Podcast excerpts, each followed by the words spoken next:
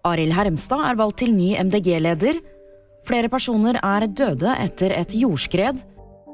Og 130 000 innbyggere er uten strøm i Kyiv. Arild Hermstad vant kampvoteringen med én stemme og er ny leder for MDG. Det skjedde på partiets ekstraordinære møte lørdag. Hermstad har vært fungerende leder siden Una Aina Bastholm trakk seg i august, og var innstilt av valgkomiteen. Vi har et resultat. Jeg er veldig glad for å få den tilliten fra alle dere som har stemt på meg. Åtte mennesker er døde og flere er savnet etter et jordskred på den italienske ferieøya Ischia. Og blant de savnede er en nyfødt baby. Deler av området skal være fullstendig blokkert av raset, og er derfor ennå ikke tilgjengelig for nødetatene. Rundt 130 000 innbyggere i Kyiv er fortsatt uten strøm. Det skjer etter at Russland skjøt raketter mot Ukrainas energinett.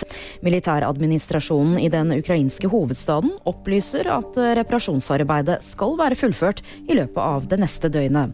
Det var VG nyheter, og de fikk du av meg, Julie Tran.